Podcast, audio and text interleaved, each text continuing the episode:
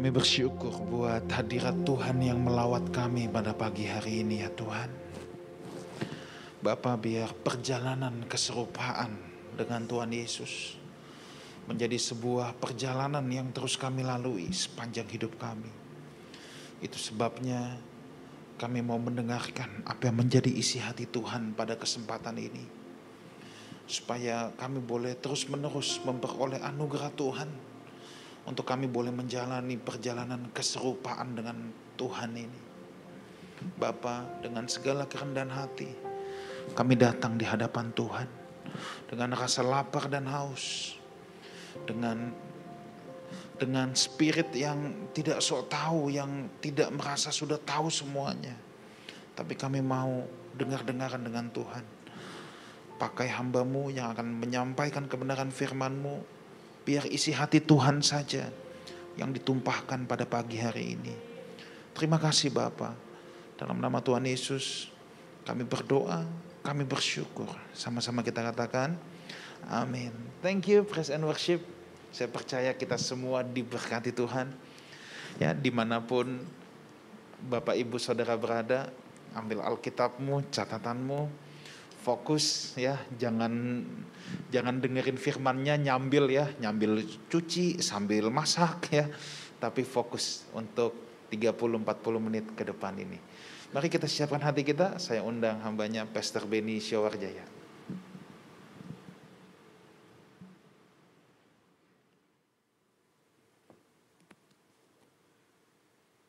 Shalom, Bapak Ibu Saudara, Lifehouse Community di mana pun Anda berada pada pagi hari ini.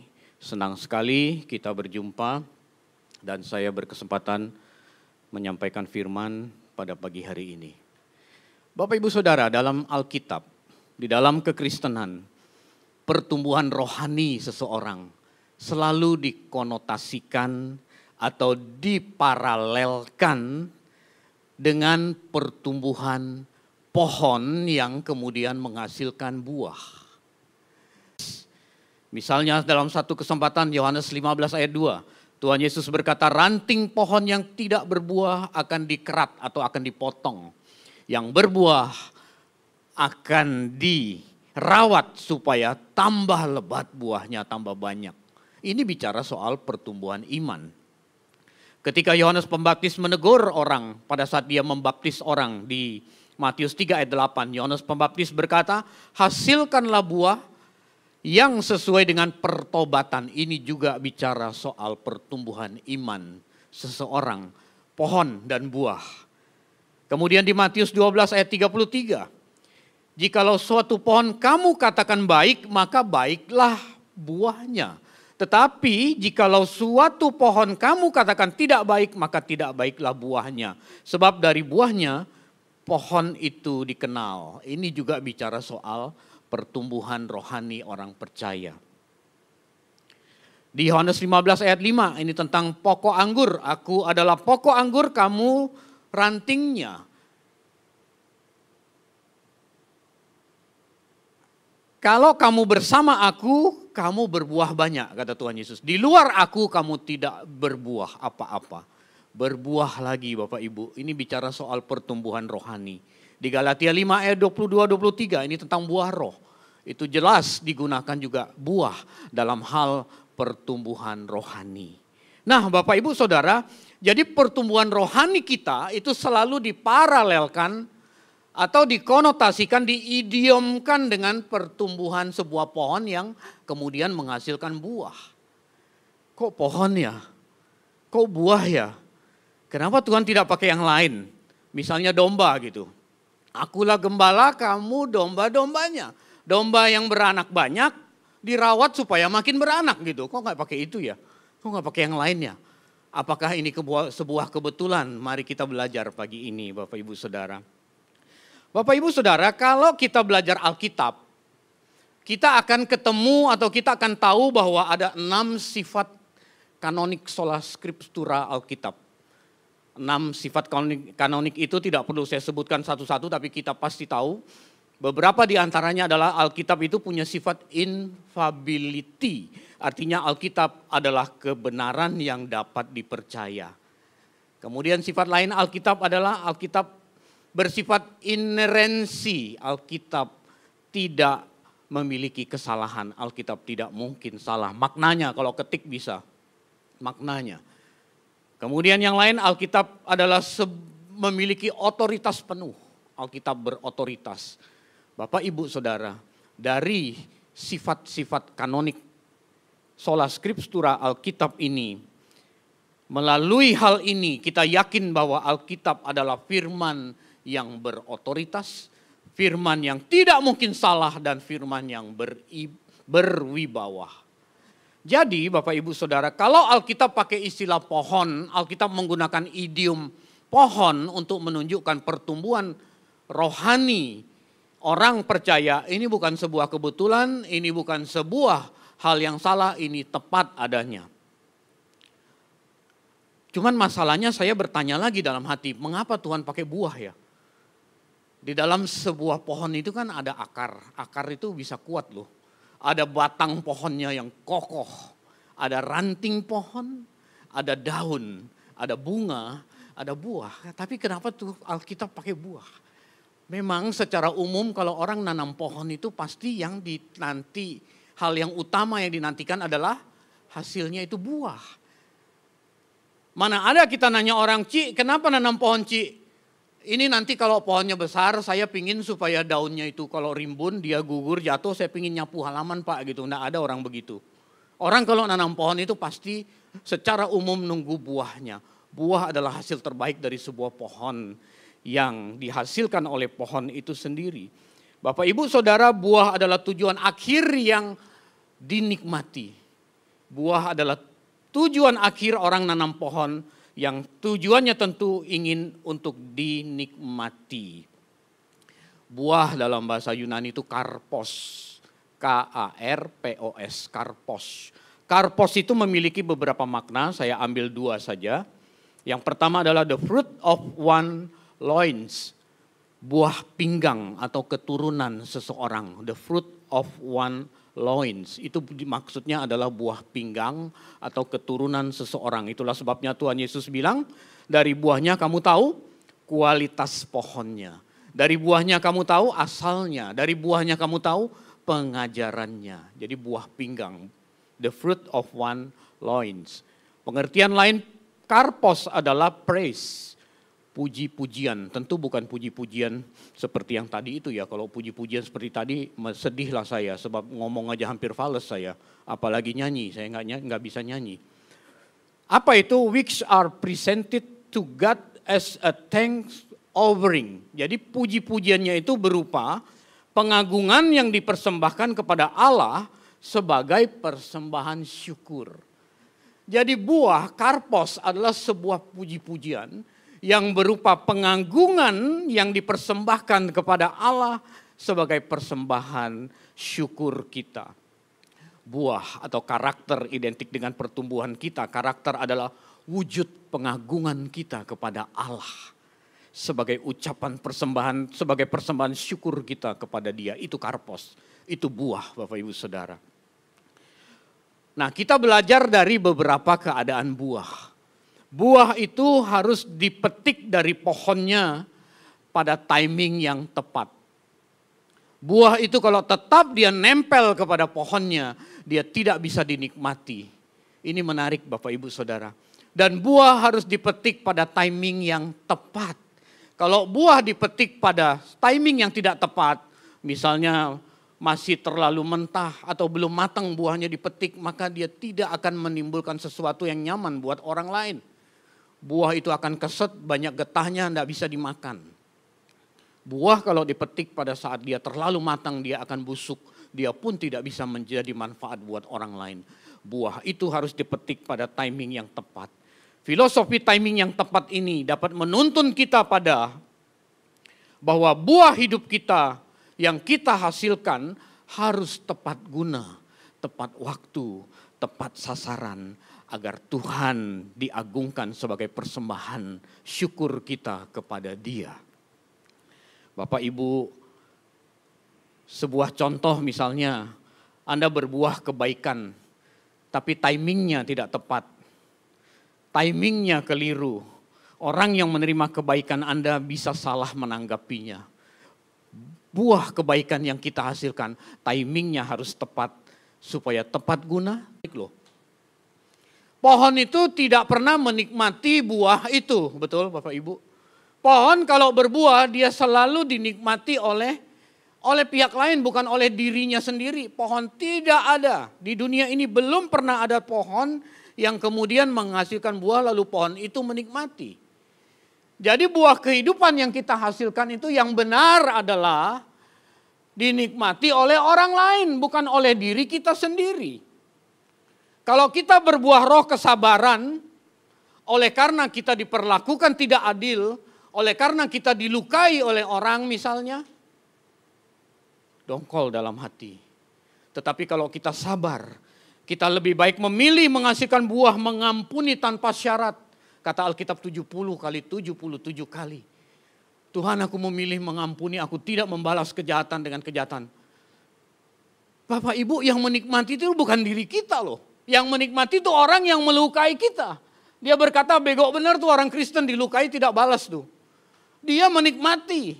Jadi buah roh yang benar adalah ketika kita menghasilkan buah roh yang benar, buah kehidupan yang benar. Orang lain yang menikmati bukan diri kita. Bapak Ibu Saudara saya ambil contoh lain. Misalnya kita punya punya buah roh kebaikan misalnya. Aduh kenapa ya pada saat justru Tuhan menghadirkan sesuatu atau suatu kondisi yang harus kita lakukan. Pada saat kita lagi mepet, lagi pas-pasan, lagi nggak punya waktu, lagi nggak punya materi misalnya. Justru Tuhan hadirkan. Itulah buah roh. Karena apa? Karena buah roh itu harus dinikmati oleh orang lain bukan diri kita. Tapi kalau kita memberi dalam rangka kita senang, wah kita senang nih memberi nih. Satu, bisa karena kita ingin nama baik kita, jadi semakin berkibar gitu karena berbuat baik. Dua, bisa jadi juga karena pakai pakai tangan orang lain, pakai barang orang lain, pakai fasilitas orang lain lalu kita melakukan sesuatu. Lalu kita menikmati, kita berbuat baik. Lalu kita juga senang kalau dipuji orang, itu bukan buah roh itu bukan karpos, itu bukan prinsip buah. Karena pohon tidak pernah menikmati buah itu. Yang menikmati buah itu adalah pihak lain, bukan pohon itu sendiri. Bapak, ibu, saudara, buah roh yang benar pasti membuat diri kita bisa sampai terluka. Anda lihat, supaya buah itu bisa dinikmati oleh orang lain, buah itu harus dipetik dari pohon, betul? Apa yang terjadi ketika buah itu dipetik dari pohon? Pohon itu terluka bukan? Dia mengeluarkan getah. Dia dia dia terluka, dia tersayat. Tetapi orang lain menikmati buah itu. Ketika kita menghasilkan buah roh, katakanlah kesabaran kita dongkol dalam hati diperlakukan tidak adil, apalagi yang melakukan itu orang yang statusnya lebih rendah dari kita, tetapi kita memilih taat kepada Tuhan, kita berkata aku tidak mau membalas kejahatan dengan kejahatan. Sakit nggak kita Bapak Ibu? Sakit kita. Kita bisa lawan, kita nggak mau. Kita mau taat kepada kehendak Tuhan. Kita mau berbuah yang benar. Kita sakit, memang betul Bapak Ibu. Buah yang benar bisa sampai membuat kita terluka. Sebab prinsip pohon seperti itu. Pohon ketika buahnya dipetik untuk dinikmati oleh orang lain. Pohon itu tersayat, pohon itu terluka. Pohon itu mengalami hal yang tidak nyaman, dia mengeluarkan getah. Jadi buah yang benar Tuhan, uh, Bapak Ibu Saudara, buah yang benar adalah ketika kita merasa terluka. Lalu kita berdoa kepada Tuhan, Tuhan membalut luka kita. Ini baru soal kesabaran, belum lagi yang lain. Nanti ada sembilan buah roh yang lain anda silakan kenakan itu untuk untuk sebagai contoh dalam kehidupan Anda masing-masing. Saat kita berdoa untuk orang yang melukai kita, batin kita pasti tambah terluka. Yes, benar. Kita bisa balas, kita bisa melakukan apa pun tapi kita berdoa. Kita pilih mau taat kepada kehendak Tuhan. Tuhan bilang apa? Tuhan bilang kasihi musuhmu. Berdoa bagi orang yang menganiaya kamu kita mengerti firman itu ketika ada orang melukai kita. Kita memilih mengasihi mereka. Kita memilih berdoa kepada orang yang melukai kita. Pasti kita tambah luka. Ini manusiawi Bapak Ibu. Tapi itulah prinsip buah. Buah dipetik dari pohonnya, pohon itu terluka. Pohon itu mengalami hal yang tidak nyaman. Kalau filosofi orang dunia kan, aku nggak ganggu orang, tapi awas saja kalau sampai ada orang ganggu aku, aku bisa balas dua kali lipat. Kan gitu kan, filosofi orang dunia kan begitu. Tapi filosofi anak Tuhan tidak begitu. Filosofi anak Tuhan adalah kasih musuhmu dan berdoa bagi mereka yang menganiaya kamu. Matius 5 ayat 44. Ini kan luar biasa Bapak Ibu. Mungkin ada yang mendengar program ini Anda berkata, Pak, saya nggak ngerti lihat suami saya Pak, gitu. Dia punya simpanan lain Pak, oh bagus dong Bu, punya simpanan lain berarti depositonya tambah banyak dong Bu, gitu. Bukan Pak, bukan deposito Pak, gitu. Dia punya wanita lain Pak, Bu sabar, jangan ikut-ikutan Bu. Runyam rumah tangga kalau ibu ikut-ikutan. Ampuni dia Bu. Bawa dia dalam doa. Kasih dia perhatian yang lebih berkualitas. Ajak bicara baik-baik. Jangan-jangan kontribusi ibu juga ada. Gara-gara ibu tidak memberikan perhatian atau gara-gara ibu lalai. Kontribusinya juga jangan-jangan ada. Kita periksa diri kita. Datang ke gereja, cari konselor yang tepat, konseling. Kalau bisa belajar dari kompetitor, ah ini menarik nih Ibu tanya kepada simpanan atau ibu cari tahu mengapa simpanan suamimu lebih tertarik kepada simpanan lain itu kan gitu belajar dari kompetitor. Apa sih yang membuat suamimu tertarik lebih tertarik kepada dia daripada kepada dirimu? Oh selidik punya selidik ternyata dia itu senang ke salon. Ya ibu juga ikut ke salon bu. Belajar dari kompetitor. Curi perhatian pasanganmu kan begitu. Bapak ibu saudara Orang Kristen yang tidak siap dilukai seizin Tuhan adalah orang Kristen yang belum menghasilkan buah kehidupan seperti yang Tuhan kehendaki. Sebab buah hanya dapat dinikmati ketika pohon itu dilukai oleh karena buahnya dipetik. Saya ulangi Bapak Ibu ya. Orang Kristen yang tidak siap dilukai seizin Tuhan adalah orang Kristen yang belum menghasilkan buah kehidupan seperti yang Tuhan kehendaki. Sebab buah hanya dapat dinikmati ketika pohon itu dilukai oleh karena buahnya dipetik untuk dinikmati oleh pihak lain. Dalam kekristenan selalu ada pemulihan, ingat. Ketika Anda dilukai pasti ada pemulihan.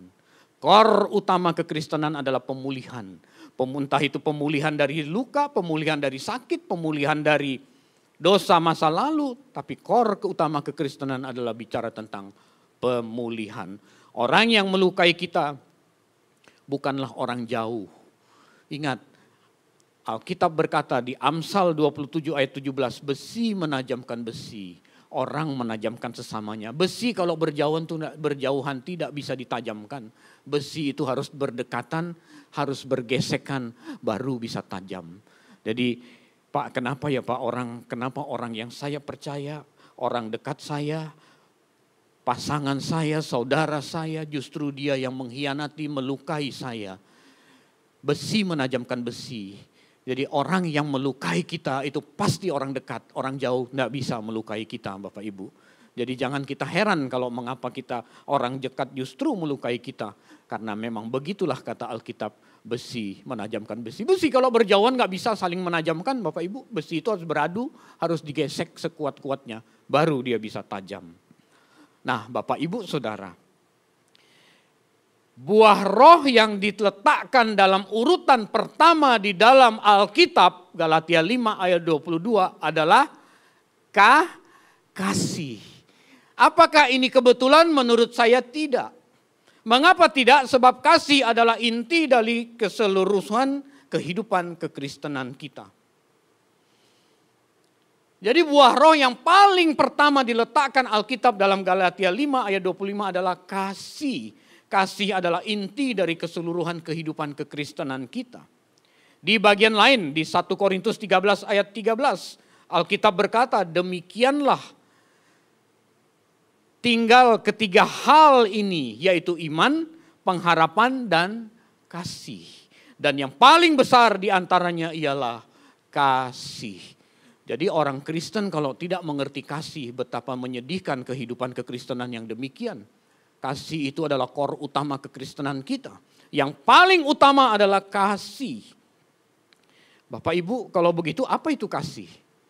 Memberi, kasihan kepada orang, berbagi. Orang agama lain lebih jago dari agama Kristen kadang-kadang. Kalau berbagi saja, kalau kasih itu hanya berbagi. Apa itu kasih? Nah, pagi ini kita belajar apa itu kasih. Kasih itu beda dengan kasihan, Bapak Ibu Saudara. Sangat berbeda. Kasih itu, kasih menurut versi Allah juga sangat berbeda dengan kasih yang dipahami oleh dunia secara umum atau kebanyakan orang. Sangat berbeda. Kasih, kasih Allah tidak memandang kelayakan si penerima. Tuhan Yesus datang ke dunia ini karena begitu besar kasihnya akan dunia ini. Dia memberikan dirinya untuk manusia, untuk semua manusia. Dia tidak pandang si A, si B, si C layak atau tidak. Tetapi dia melakukan sebuah tindakan kasih. Jadi kasih Allah itu tidak memandang kelayakan seseorang untuk menerima atau tidak. Kasih Allah itu tidak menuntut balas budi. Ini penting Bapak Ibu Saudara karena banyak orang telah berbuat sesuatu, dia menanam budi baik, lalu suatu hari ketika orang yang ditanam budi baik itu melakukan sesuatu yang tidak dia harapkan, walaupun belum tentu salah, tetapi hanya tidak dia harapkan, lalu dia mengungkit-ungkit budi baiknya, oh, nggak tahu terima kasih, nggak, nggak, nggak tahu budi baik dan lain sebagainya. Padahal kebaikan yang ditanamkan orang itu dulu belum tentu itu budi baik, bisa saja hak orang itu karena ada ada asas manfaat tertentu. Jadi kasih Allah itu tidak begitu Bapak Ibu Saudara. Kasih Allah tidak begitu, tidak menuntut balas budi. Lu mau balas boleh, lu enggak juga enggak masalah. Ah, itu kasih Allah yang hari ini kita bicarakan kasih. Kasih Allah adalah kasih yang tanpa syarat. Dalam bahasa kerennya itu unconditional love. Kasih tanpa syarat. Bapak Ibu Saudara, ada orang begitu ber, begitu hebat berkorban untuk pekerjaan Tuhan. Dia kasih rumahnya untuk pekerjaan Tuhan, dia kasih kendaraannya untuk pekerjaan Tuhan, dia kasih seluruh hartanya untuk pekerjaan Tuhan. Tapi tanpa kasih, Alkitab bilang sama sekali tidak ada faedahnya. 1 Korintus 13 ayat 3. Sampai dia tidak ada lagi yang dia kasih. Lalu dia kasih tubuhnya untuk dibakar. Tanpa kasih sama sekali tidak ada faedahnya. Jadi kasih itu apa dong kan gitu. Dia udah korban semua loh, rumah, mobil, perhiasan. Sampai tubuhnya dikasih ke gereja untuk dibakar pun kata Alkitab tanpa kasih tidak ada faedahnya. Jadi apa itu kasih? Kasih adalah segala sesuatu yang kita lakukan untuk sesama sesuai dengan perintah dan kehendak Tuhan. Itu kasih. Sebab ada banyak perbuatan yang kelihatannya kasih, yang tadi saya jelaskan 1 Korintus 13 ayat 3 itu. Tapi kalau Tuhan tidak menghendakinya, tidak ada faedahnya, kata Alkitab. Yuk kita buka Alkitab kita 2 Yohanes 1 ayat 6, tolong. 2 Yohanes, uh, 2 Yohanes 1 ayat 6. 2 Yohanes 1 ayat 6. Dan inilah kasih itu, yaitu bahwa kita harus hidup menurut perintahnya, perintah Allah. Dan inilah perintah itu, yaitu bahwa kamu harus hidup di dalam kasih, sebagaimana telah kamu dengar dari mulanya. Jadi kasih itu simple, ketaatan kita kepada perintah Allah. Kalau Allah memerintahkan kita melakukan sesuatu buat sesama, itu kita harus lakukan, itulah tindakan kasih. Tetapi kalau Allah tidak memerintahkan lalu kita memberikan, ingat tadi, tidak tepat waktu, timingnya tidak tepat. Itu bukan perbuatan kasih. Jangan-jangan ada sesuatu yang kita harapkan dari orang itu karena kita berbuat sesuatu. Itu bukan kasih Bapak Ibu Saudara. Kasih adalah ketika kita mentaati perintah Allah. Itulah kasih. Jadi segala sesuatu yang kita lakukan untuk sesama dalam perintah dan kehendak Tuhan itulah perbuatan kasih Bapak Ibu dalam segala bidang kehidupan, kita harus hidup dalam kasih. Artinya adalah hidup dalam pemerintahan Allah. Kehidupan Kristen adalah sebuah kehidupan di dalam kasih. Kehidupan di dalam ketaatan kepada perintah dan kehendak Allah. Kasih kita kepada Tuhan harus terekspresi, harus terperagakan, harus nyata dalam hidup sesama kita. Ingat pohon tadi. Buah roh pertama itu pohon. Buah itu harus dapat nyata dinikmati oleh orang lain, oleh pihak lain. Jadi kasih kita kepada Allah harus nyata, harus terperagakan dalam diri sesama. Kita buka Yohanes 1 Yohanes 4 ayat 20. 1 Yohanes 4 ayat 20. 1 Yohanes 4 ayat 20 kita buka. Jikalau seorang berkata, "Aku mengasihi Allah," dan ia membenci saudaranya, maka ia adalah pendusta. Karena barang siapa tidak mengasihi saudaranya yang dilihatnya, tidak mungkin dia mengasihi Allah yang tidak dilihatnya. Saya kira firman ini sangat jelas Bapak Ibu. Sangat gamblang Rasul Yohanes menulis ini. Kalau ada orang berkata aku mengasihi Allah, tapi membenci saudara, saudaranya sendiri, maka ia pendusta. Bapak segala dusta di, di surat Ibrani siapa Bapak Ibu? Iblis. Jadi kalau ada orang berdoa berjam-jam tetapi dia dendam kepada sesamanya. Dia tidak mengasihi sesamanya. Apalagi dia tidak mengasihi pasangan hidupnya. Dia adalah anak dari Bapa segala dusta.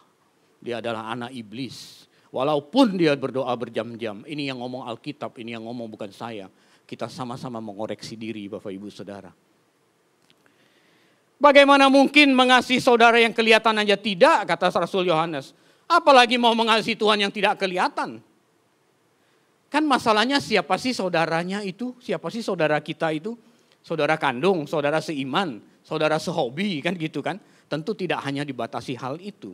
Sebab di sisi lain Tuhan Yesus jelas mengatakan mengasihi Allah harus terwujud dalam mengasihi sesama manusia. Nah, kita bicara lagi sesama itu siapa kan gitu.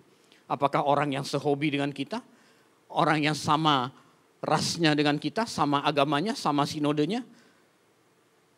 Kan tidak dibatasi di situ saja Bapak Ibu Saudara.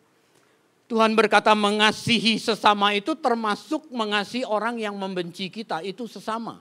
Sesama manusia. Bukan manusia yang sama dengan diriku tetapi sesama manusia. Artinya siapa pun dia, kita harus mewujudkan, mengekspresikan kasih kita, taat pada perintah Allah. Sesuai dengan kehendak Allah, kita harus ekspresikan kasih kita kepada dia. Matius 5 ayat 44. Tetapi aku berkata kepadamu, kasihilah musuhmu. Ini boleh dibuka kayaknya ayat ini. Matius Matius 5 ayat 44 tolong. Tetapi aku berkata kepadamu, kasihilah musuhmu dan berdoalah bagi mereka yang menganiaya kamu. Bapak ibu saudara sampai musuh aja sesama kita loh. Apalagi saudara, apalagi orang tua, apalagi pasangan hidup. Itu mau udah lebih dari sesama Bapak ibu saudara. Musuh saja harus kita kasihi kalau kita bilang diri kita Kristen. Lah ini saudara masa dibenci, ini saudara masa difitnah, ini saudara masa dibikin opini yang bukan-bukan gitu. Bapak Ibu Saudara kalau kembali kepada surat surat Yohanes tadi 1 Yohanes 4 ayat 20 maka ia adalah pendusta. Kita tahu di kitab Ibrani penulis kitab Ibrani berkata iblis adalah bapa segala dusta. Orang Kristen yang demikian dipastikan dia belum bisa disebut anak bapa di surga tetapi dia dipastikan menjadi anak angkatnya Bapa segala dusta. Matius 5 ayat 45 kita baca. Lihat satu ayat di bawahnya. Karena dengan demikianlah kamu menjadi anak-anak Bapamu di surga. Kalau kamu mengasihi musuh, kalau kamu berdoa bagi orang yang menganiaya kamu, kamu baru bisa disebut anak Bapamu yang di surga. Kalau belum bagaimana? Ya anak Bapak segala dusta, kan gampang begitu. Kalau kamu belum mengasihi musuh, kamu belum berdoa bagi orang yang melukai hatimu, Bapak belum menemukan karakter putra tunggalnya dalam diri orang Kristen yang demikian. Belum bisa dia disebut anak Bapak. Jadi berat jadi Kristen Bapak Ibu. Kepada musuh saja kita harus mengasihi. Apalagi kepada orang-orang dekat kita yang tadi itu besi menajamkan besi itu, itu orang-orang dekat Bapak Ibu. Kepada musuh saja kita harus kasihi. Musuh itu kan dalam des, dalam definisi kita itu kan orang yang melukai kita sedemikian dalam sehingga kita sebut dia musuh. itu pun harus kita kasihi. Luar biasa Bapak Ibu Saudara. Apalagi pasangan hidupmu yang jelas-jelas bukan musuh, itu mah sudah harus dikasihi. Mungkin Anda yang tengah menonton program ini Anda berkata dalam hati Pak Pendeta, yang penting hubunganku dengan Tuhan Pak Pendeta. Yang penting aku berdoa sehari lima jam. Aku hari minggu ke gereja bisa lima kali ibadah Pak Pendeta. Yang penting hubunganku dengan Tuhan baik. Kalau dengan yang itu sorry Pak Pendeta, aku belum bisa. Aku tidak bisa, dia terlalu jahat Pak Pendeta. Bapak Ibu Saudara, firman Tuhan jelas berkata bahwa orang demikian adalah pendusta. Katanya mengasihi Allah, tetapi kok tidak mengasihi sesama. Tetapi kok berdusta kepada, tetapi kok tetapi kok tidak bisa mengasihi sesama yang kelihatan. Rasul Yohanes mengatakan, orang demikian adalah pendusta. Bapak segala dusta sekali lagi harus saya tegaskan di dalam surat Ibrani disebut iblis, bapak segala dusta. Ketika Anda belum mengasihi sama sesuai dengan perintah Allah, sesungguhnya hubunganmu dengan Tuhan belum benar. Sebab belum menghasilkan buah kasih itu. Ketika orang percaya belum mengasihi sesama sesuai dengan perintah Allah, Sesungguhnya hubungan orang Kristen yang demikian dengan Allah belum benar. Sebab ia belum menghasilkan buah roh yang dikehendaki oleh Allah. Bapak Ibu Saudara, jadi kalau mengasihi Allah itu harus ter, harus satu paket. Kasihilah Tuhan Allahmu dengan segenap, segenap, segenap. Hukum yang kedua yang sama dengan itu, homoios, setara. Jadi jangan karena itu hukum kedua lalu anggap lebih rendah banyak orang keliru. Dianggapnya hukum pertama itu lebih tinggi, makanya dia memelihara hubungan harmonis dengan Tuhan. Bisa sampai doa, bisa sampai doa puasa berbulan-bulan. Dia memelihara hubungan harmonis dengan Tuhan. Tetapi dia tidak peduli hubungannya dengan katakanlah pasangan hidupnya, dengan saudaranya, dengan sesamanya. Karena terkecoh oleh oleh ayat Alkitab ini, hukum pertama yang utama adalah kasih Tuhan Allahmu. Hukum yang kedua, sebenarnya Tuhan Yesus sudah bilang hukum yang kedua yang sama dengan itu. Posisinya tuh sama, homoios dalam bahasa Yunani, sama. Hukum yang kedua yang sama dengan itu, yang setara dengan itu ialah kasihi sesamamu seperti engkau mengasihi dirimu. Jadi orang harus mengasihi dirinya dengan benar dulu. Bukan mengasihani, tetapi mengasihi dirinya dengan benar. Maka dia akan mengasihi sesamanya dengan benar. Ketika dia mengasihi sesamanya benar, itulah ekspresi dia mengasihi Allah. Jadi jangan jangan Anda bilang Pak, yang penting hubungan saya dengan dengan Tuhan beres Pak. Kalau yang satu itu belum bisa Pak, udah terlalu jahat Pak dia. Bapak Ibu, Tuhan perintahkan kita, ini perintah. Kasihi musuhmu itu perintah Bapak Ibu. Tuhan memberikan perintah ini tidak bisa ditawar. Jadi saya bukan bilang percuma orang yang punya punya apa punya hubungan doa yang berjam-jam enggak percuma juga. Itu luar biasa juga kalau bisa kalau bisa apa berdoa berjam-jam punya jam doa yang tetap. Itu luar biasa dalam kehidupan yang luar biasa seperti itu Bapak Ibu. Tapi itu belum diharapkan oleh Tuhan yang seperti itu. Sebab ekspresi kita mengasihi Tuhan adalah kita mengekspresikannya kepada sesama. Mengasihi sesama itu termasuk melepaskan pengampunan Mengasihi sesama itu termasuk mengasihi musuh. Bagaimana cara mengasihi musuh? Pasti mengampuni. Apa itu pengampunan? Pengampunan adalah salah satu buah roh. Kesabaran, kasih, sukacita. Orang yang mengampuni pasti sukacita. Nah Bapak Ibu Saudara, mengasihi sesama harus dimulai dari yang terdekat dulu. Siapa sih yang terdekat dalam hidup kita kalau kita sudah sudah berkeluarga? Pasti pasangan hidup kita masing-masing Bapak Ibu. Berbuah roh dimulailah dari hal yang paling sederhana. Buah roh kasih, kasihilah pasangan hidup kita masing-masing secara proporsional. Itu mulai dari situ dulu deh Bapak Ibu. Jangan sampai Anda berusaha mengasihi sesama yang ada di ujung dunia sana, nggak tahu, yang nggak jelas juga Anda berusaha mengasihi. Tetapi sesama pasangan hidup di rumah sendiri dihianati, dibohongi, diselingkuhin. Ini kan nggak benar Bapak Ibu Saudara. Ini bukan karpos, ini bukan buah. Sebab Allah tidak diagungkan dalam tindakan yang demikian. Ingat karpos itu adalah sebuah puji-pujian. Berupa pengagungan kepada Allah. Berupa ucapan syukur kita. Pengagungan syukur kita kepada Allah. Bapak ibu saudara belajar dari filosofi pohon yang berbuah. Yang buahnya dinikmati oleh pihak lain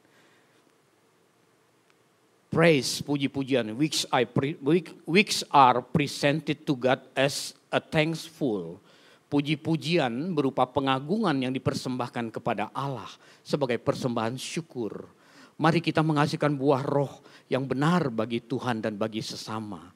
Terutama kasih, buah roh kasih. Karena dia adalah segala-galanya dalam hidup kekristenan kita. Kasih kepada Allah dan kasih kepada sesama. Kasih kepada sesama itu harus kita mulai dari orang terdekat kita dulu. Siapa dia? Pasangan hidup kita. Berdamai dengan pasangan hidup kita masing-masing. Jangan ulangi kesalahan kita lagi dan wujudkan kasih itu. Maka secara otomatis orang yang demikian bisa disebut mengasihi Allah. Amin. Mari kita tundukkan kepala, mari kita berdoa. Bapak terima kasih untuk firman yang sudah kami dengar. Kami bersyukur, kami bersuka cita menerima firman ini. Tuhan kami mohon rohmu yang kudus menolong setiap kami. Menjadikan firman ini hidup dalam kehidupan kami. Sehingga roh kudus menuntun kami. Kami menjadi pribadi-pribadi yang menghasilkan buah. Seperti yang engkau kehendaki. Buah karakter hidup, buah kasih kepada sesama dan kepada engkau. Tuhan ampuni kebodohan kami selama ini karena kami tidak melakukan hal ini. Bahkan kami kejam kepada pasangan hidup kami. Bahkan kami tidak mengekspresikan kasih kami kepada pasangan hidup kami, kepada orang-orang dekat kami. Sementara kami mengatakan kami melayani pekerjaan engkau di gereja dan bahkan kami dikenal sampai di ujung bumi. Tuhan ampuni kesalahan kami ini, biar melalui firman ini kami merubah kehidupan kami sehingga kami semakin berkenan di hadapanmu. Terima kasih Bapak, dalam nama Tuhan Yesus kami berdoa dan mengucap syukur. Amin.